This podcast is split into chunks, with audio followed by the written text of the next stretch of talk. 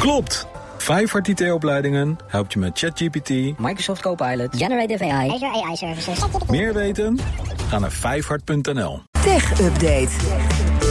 En Joe van Buurik is binnen. Hey Joe. Hey, Elisabeth en Kees. We beginnen met Reddit, want bij dat, ja, hoe zullen we het noemen, online communicatieplatform, sociaal medium, heerst grote onrust. Ja, het blijft een beetje een van de minder bekende platforms naast Facebook en Twitter. Maar na schatting toch bijna 500 miljoen actieve gebruikers per maand. Dus geen kleintje. Nee. Populairder dan Twitter qua aantallen, als we het zo moeten geloven.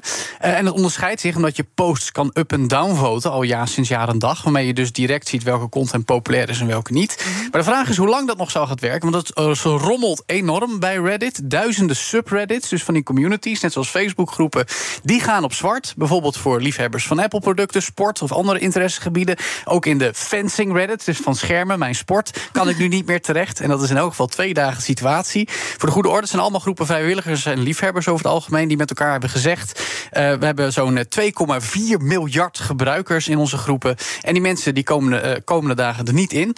Eh, dus ja, dat is eh, best wel jammer. Maar 500 miljoen actieve gebruikers Ja. en 2,4 miljard Dat is abonnees op die subgroepen. Precies, dat is het aantal geregistreerde gebruikers. Dus nou, een significant deel van de wereld heeft een Reddit-account. Maar hoeveel mensen het daadwerkelijk gebruiken is een ander verhaal. Maar goed, dat is dus de situatie. Maar waardoor is er al die ophef en gaat er van alles op zwart? Nou, dat is eigenlijk in de loop van vorige week gebeurd. Dat is uit protest tegen een plan eh, dat het platform achter Reddit zelf eigenlijk eh, heeft eh, bekendgemaakt. Tenminste, het is naar buiten gekomen, want ze willen meer geld verdienen aan bouwers van externe apps om Reddit te gebruiken.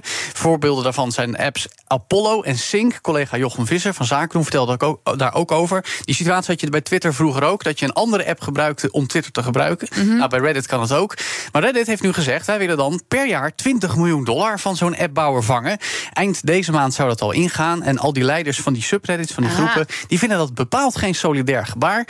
Dus hebben we nu die situatie. En het lijkt ook heel erg op wat er begin dit jaar gebeurde met Twitter. Toen eigenaar Elon Musk besloot dat apps zoals Tweetbot en Twitterific niet meer mochten. En dat werd gewoon zonder pardon afgesneden. Maar ja, nu is er dus een eh, iets meer schokkende situatie ontstaan. Bij Reddit dan. Ja, precies. Dan nog even iets heel anders, want Apple gaat ook met een goedkopere slimme bril komen. Dit vind ik interessant, Lisbeth. Want over die Vision Pro, precies een Ja. week geleden aangekondigd, hoor ik iedereen zeggen: wat is dat ding duur? En toegegeven, 3500 dollar is ook best veel. Maar met mijn techcompaan Ben van den Burg zeggen we ook: we vinden het boeiend dat Apple met dat ding komen. En hem zelf kopen, ja, dat, dat komt, komt ooit wel. Maar goed, wie hem toch al graag wil en niet zoveel geld over heeft, dan is er waarschijnlijk goed nieuws. Want eind 2025 zou er ook een reguliere versie moeten komen. Zeg maar een Apple Vision zonder Pro.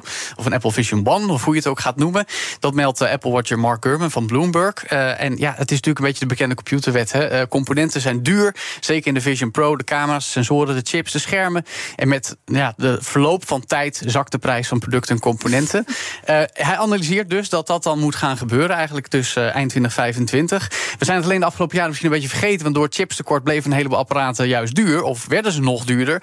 Maar in de praktijk moet het toch een paar honderd euro van de prijs van de Vision af kunnen. Ik schat wel dat hij nog steeds zo'n 2000 euro zou kosten. En dat is nog steeds wel flink duurder dan de concurrentie.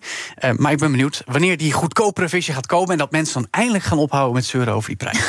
Nou, 2000, daar ga ik ook nog een beetje Is nog steeds duur, Ja. maar ik bedoel, het, het- ik vind het fenomeen interessanter dan het ding zelf. Dat is eh, wat, hoe ik het zie. Dankjewel, Joe van Buurik. De BNR Tech Update wordt mede mogelijk gemaakt door Lenklen. Lenklen. Betrokken expertise, gedreven resultaten. Klopt!